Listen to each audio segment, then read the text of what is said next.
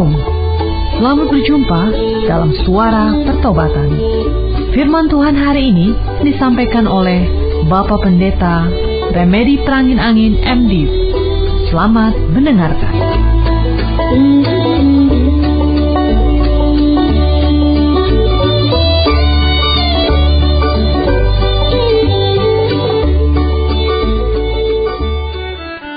Kami bersyukur Tuhan Yesus dipersatukan kembali dalam persekutuan lewat udara.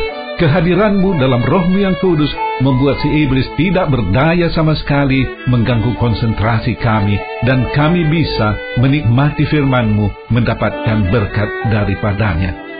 Pada hari ini secara khusus kami ingin merenungkan peran roh kudus dalam keselamatan. Terangilah setiap hati dan jiwa kami sehingga kami boleh mengenal Engkau lebih baik, Allah Roh Kudus. Terpujilah namamu dari kekal sampai kekal. Haleluya, haleluya, amin.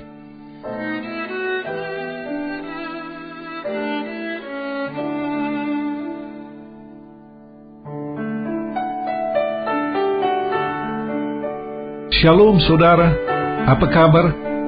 Saya harap saudara ada dalam keadaan sehat, sukacita, damai, dan sejahtera.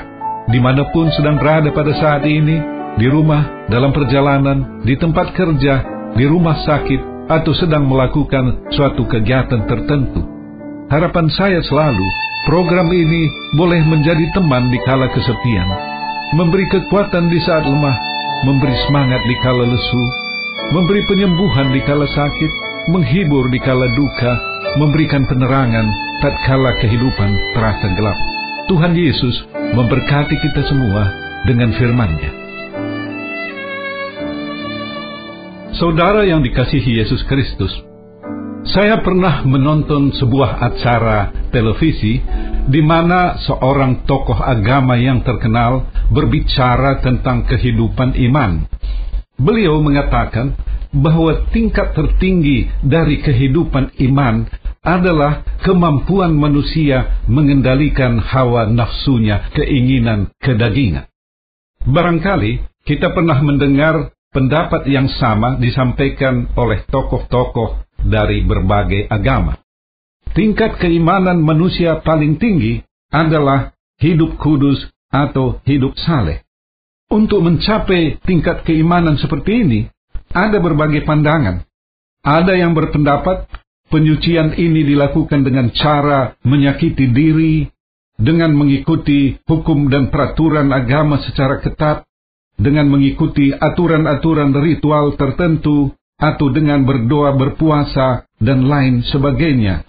Bagaimana sebenarnya pandangan Alkitab tentang hal ini? Saya mencoba dalam kesempatan ini menyampaikan pemahaman saya, penghayatan saya sendiri.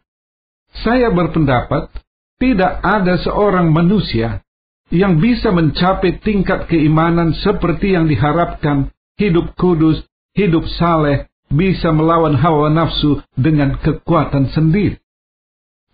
Ketika Allah menurunkan hukum Taurat, umat pilihannya umat Israel bukan bertambah baik perjalanan hidupnya, tetapi kerap sekali mereka ini justru mendukakan hati Allah manakala mereka dalam kesulitan, dalam pergumulan hidup yang besar, mereka memang berseru memanggil nama Tuhan. Tetapi ketika Tuhan telah menolong mereka, mereka terbebas dari pergumulan dan permasalahan, mereka kemudian melupakan Tuhan. Ketika mereka sudah menikmati susu dan madu di tanah perjanjian, mereka melupakan Allah dan berbakti kepada Allah lain. Hal ini membuktikan bahwa manusia dengan kekuatannya sendiri tidak bisa lagi memperbaiki dirinya. Walau ada hukum dan tuntunan hidup yang diberikan oleh Allah, manusia tidak mampu menaatinya.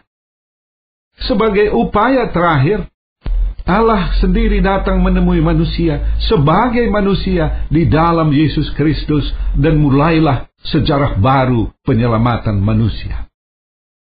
Allah yang menciptakan langit bumi dan segenap isinya telah merendahkan diri sampai serendah-rendahnya sebagai manusia yang dilahirkan di kandang hewan. Ia disalibkan sebagai korban penghapus dosa umat manusia. Ketika Yesus kembali ke sorga, ia tetap menyertai umatnya dengan rohnya yang kudus. Kehadirannya di dalam hati kita memampukan kita untuk hidup kudus. Kita tidak mampu melawan hawa nafsu, tetapi Tuhan sanggup. Kita tidak mampu mengendalikan diri sendiri, tetapi Tuhan sanggup. Tuhan yang kita kenal dalam Yesus Kristus menyatakan ia tetap menyertai kita sepanjang zaman. Sampai di sini saya berhenti dulu dan mengajukan sebuah pertanyaan. Apakah seorang tanpa roh kudus di dalam hatinya bisa masuk sorga? Sekali lagi, apakah seorang tanpa roh kudus dalam hatinya bisa masuk sorga? Roma 8 ayat 9b berkata, Tetapi jika orang tidak memiliki roh Kristus, ia bukan milik Kristus. Jika seorang tidak memiliki roh Kristus, yang sama artinya dengan roh kudus, roh Allah, roh Tuhan, maka ia bukan milik Kristus. Ia bukan milik Allah, ia bukan milik Tuhan. Dalam perjanjian lama, roh kudus hanya diberikan kepada orang-orang tertentu, para nabi, hakim-hakim, raja yang diurapi. Tetapi dalam perjanjian baru, roh kudus dicurahkan Allah kepada setiap orang yang menerima Yesus sebagai Tuhan dan Juru Selamatnya.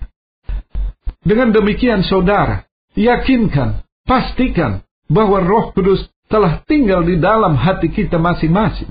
Kalau tidak, kita tidak masuk sorga.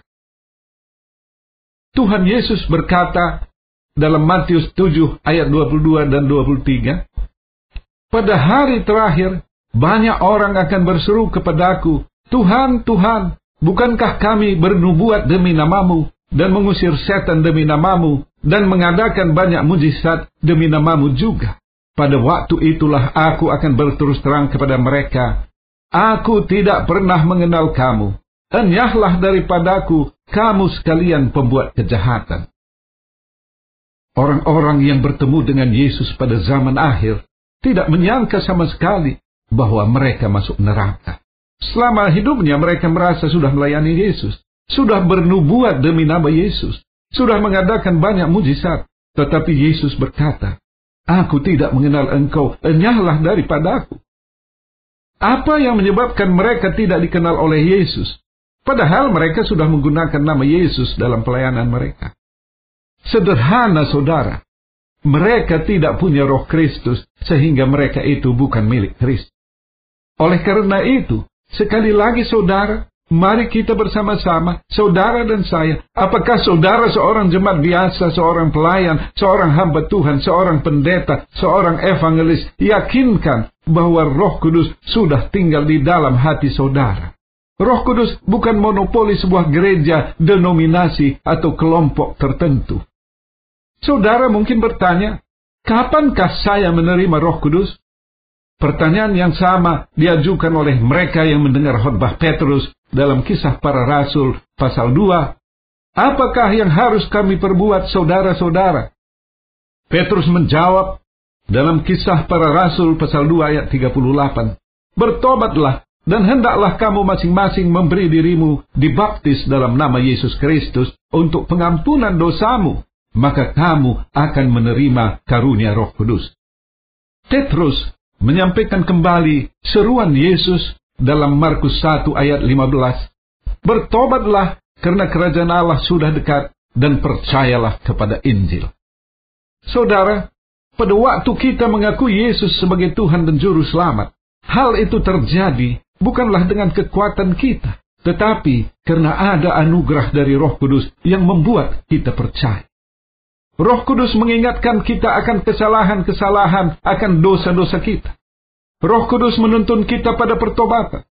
Pada waktu seorang bertobat sesudah mengenal Yesus sebagai Tuhan dan Juru Selamatnya, ia akan menerima karunia Roh Kudus. Pertobatan, iman percaya kepada Yesus, semuanya terjadi pada saat yang bersamaan. Roh Kudus melahir kita, dan mulailah proses pengudusan dalam hidup kita. Kita semakin dan semakin disempurnakan seturut dengan cita Kristus.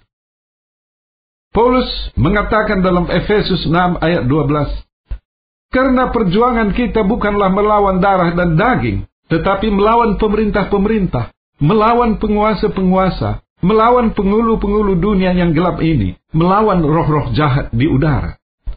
Apabila peperangan di bumi ini hanya membutuhkan senjata dan amunisi, maka akal pikiran, strategi para jenderal bisa memenangkan peperangan tersebut. Tetapi Apabila peperangan yang kita hadapi adalah peperangan rohani, maka tidak ada gunanya meriam dan senjata. Tidak ada manfaatnya pesawat terbang, uang, materi, apa pun yang kita miliki. Peperangan rohani hanya bisa dimenangkan dengan kekuatan rohani. Saudara pendengar kekasih Kristus, saya melihat peperangan rohani sekarang ini banyak terjadi dalam kehidupan keluarga. Banyak keluarga sedang mengalami keretakan. Saya tidak bicara tentang selebriti dan bintang film. Saya tidak bicara tentang Hollywood atau negara-negara maju. Saya bicara tentang masyarakat kita, keluarga kita, pelayanan kita, bahkan di dalam kehidupan umat Kristiani. Coba lihat kiri kanan, apakah saudara ada menemukan kasus keretakan rumah tangga? Dalam kasus rumah tangga yang mengarah pada perceraian, masing-masing pihak, baik pihak suami, baik pihak istri, dua-dua merasa diri benar. Dalam kasus seperti ini, teman-teman akan menyarankan agar suami dan istri ikut konseling kepada psikolog atau hamba-hamba Tuhan. Tetapi, apabila saya diminta pendapat, saya segera mengatakan bahwa yang dihadapi keluarga ini adalah peperangan rohani. Kenapa saya katakan peperangan rohani? Keluarga adalah organisasi yang kecil, tetapi amat penting bagi pekabaran Injil, bagi terlaksananya kehendak Allah di bumi ini. Allah memberkati keluarga-keluarga dan membentenginya agar tidak bisa dikalahkan oleh si iblis.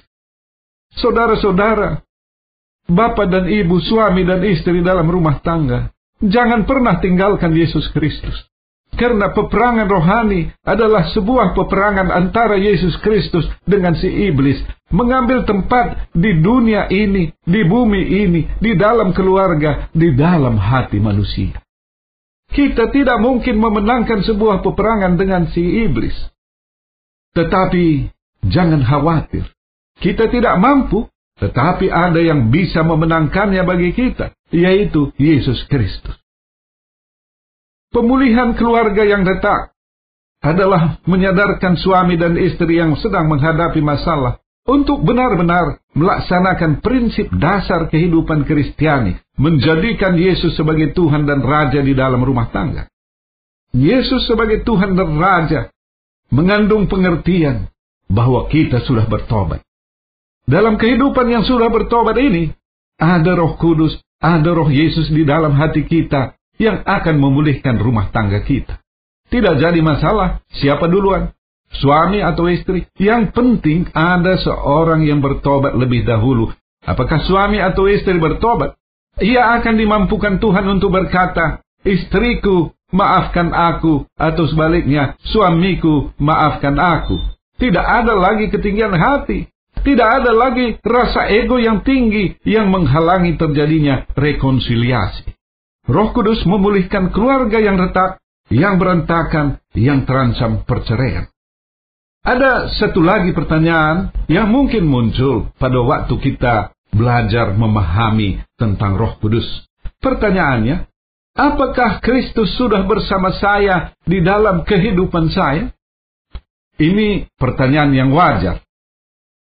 Kalau kita tidak hidup bersama Roh Kudus, pastilah kita hidup bersama roh dunia. Ada firman Tuhan yang bisa kita pakai sebagai penuntun apakah kita hidup bersama dengan roh Yesus atau bersama dengan roh dunia.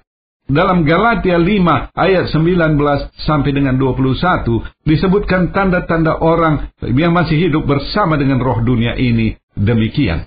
Perbuatan daging telah nyata, yaitu percabulan, kecemaran, hawa nafsu, penyembahan berhala, sihir, perseteruan, perselisihan, iri hati, amarah, kepentingan diri sendiri, percidraan, roh pemecah, kedengkian, kemabukan, pesta pora, dan sebagainya.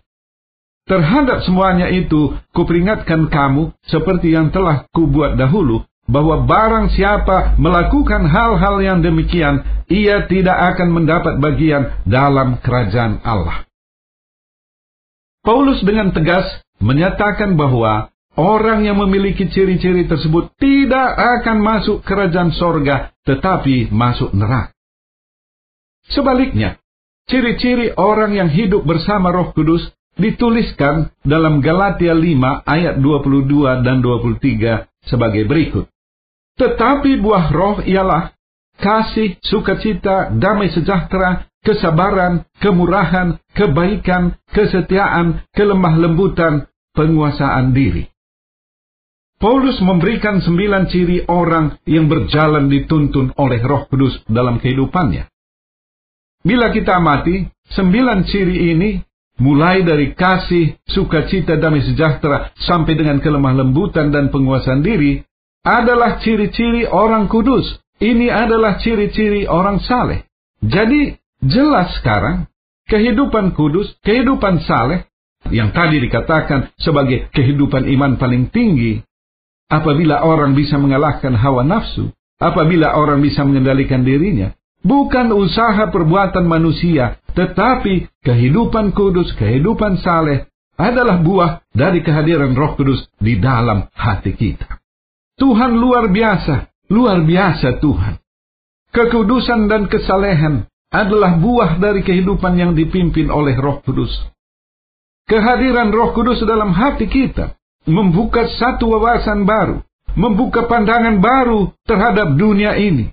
Kita melihat berbeda dengan cara kita melihat sebelumnya. Pohon-pohon yang ada di depan rumah masih tetap sama. Tetangga-tetangga kiri kanan masih tetap sama dan tidak berubah. Perabotan di rumah kita masih tetap sama tidak berubah. Tetapi hati kita berubah. Semua menjadi lebih indah. Kita semakin mengasihi suami atau istri atau anak kita. Kita melihat tempat jualan, tempat kita berdagang semakin indah.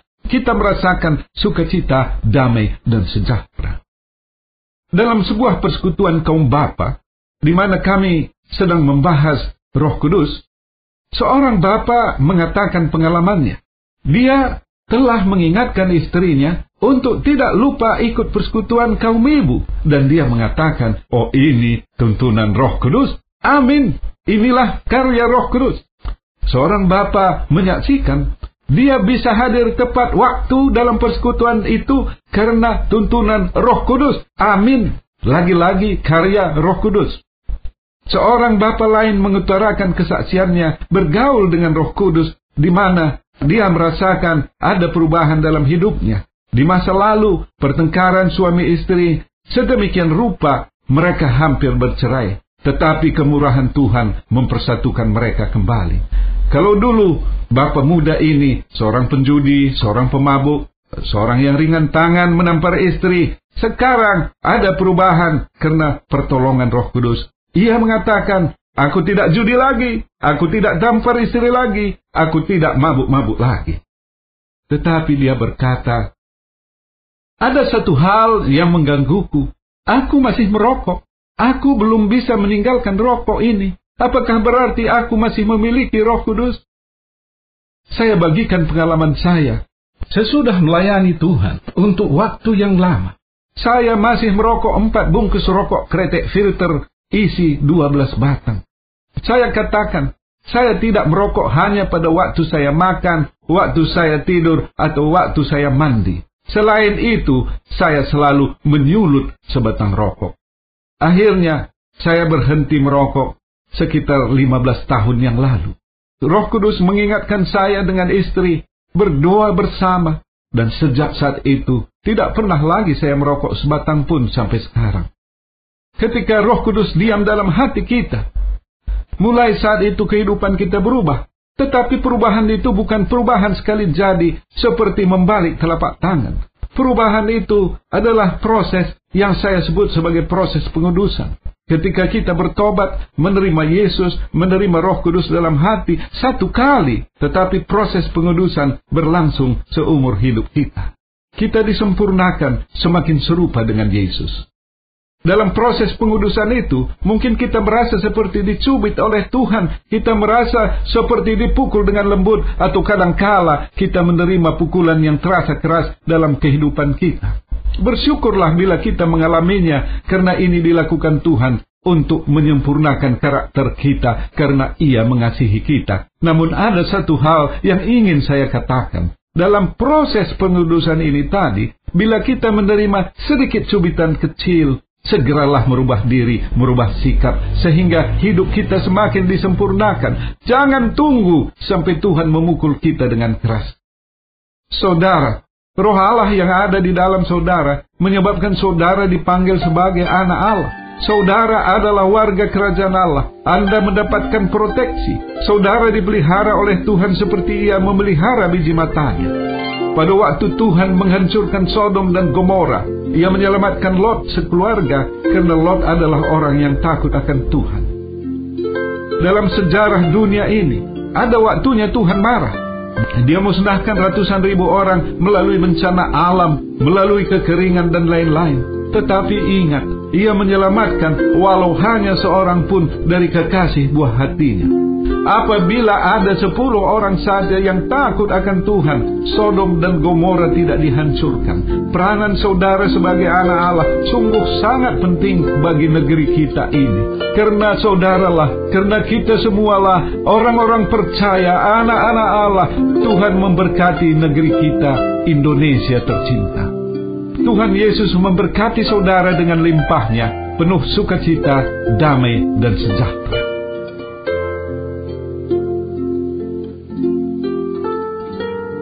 Bagi saudara yang dijamah oleh firman Tuhan, oleh Roh Kudus, sehingga pada waktu ini menyadari dosa-dosa saudara, jalan tersesat selama ini, ikuti saya mengucapkan sebuah doa sederhana. Tuhan Yesus, hamba menyadari dosa-dosa hamba, rohmu yang kudus menyadarkan aku akan kesalahan-kesalahan. Ampuni aku Tuhan, ubah hidupku, Pimpin aku dalam perjalanan hidup ke depan ini. Haleluya, haleluya, amin. Bagi saudara yang sedang sakit, saya mengundang saudara meletakkan tangan di bagian tubuh yang sakit atau pusatkan hati dan pikiran saudara pada penyakit itu, apa pun bentuk dan manifestasinya. Saya akan berdoa bagi saudara.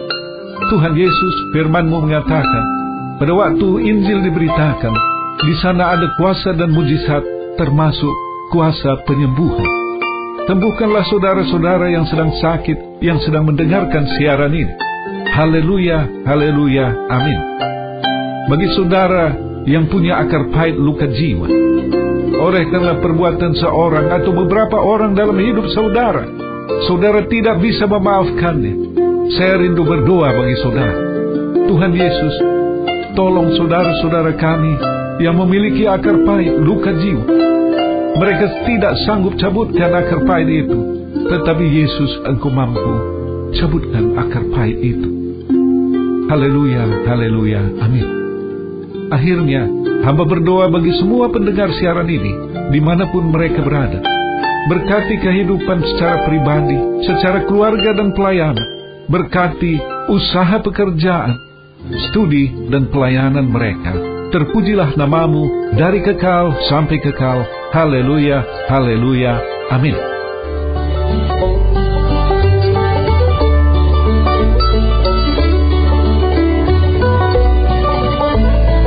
Kita sudah mendengarkan firman Tuhan yang disampaikan oleh Bapak Pendeta Remedi Perangin Angin MD. Pendengar dapat mengirimkan pokok-pokok doa kepada Suara Pertobatan, alamat email suara pertobatan at gmail.com suara pertobatan at gmail.com SMS atau telepon di pesawat 021 7005 8400 021 7005 8400 Sampai jumpa pekan depan pada hari dan jam yang sama. Tuhan Yesus memberkati.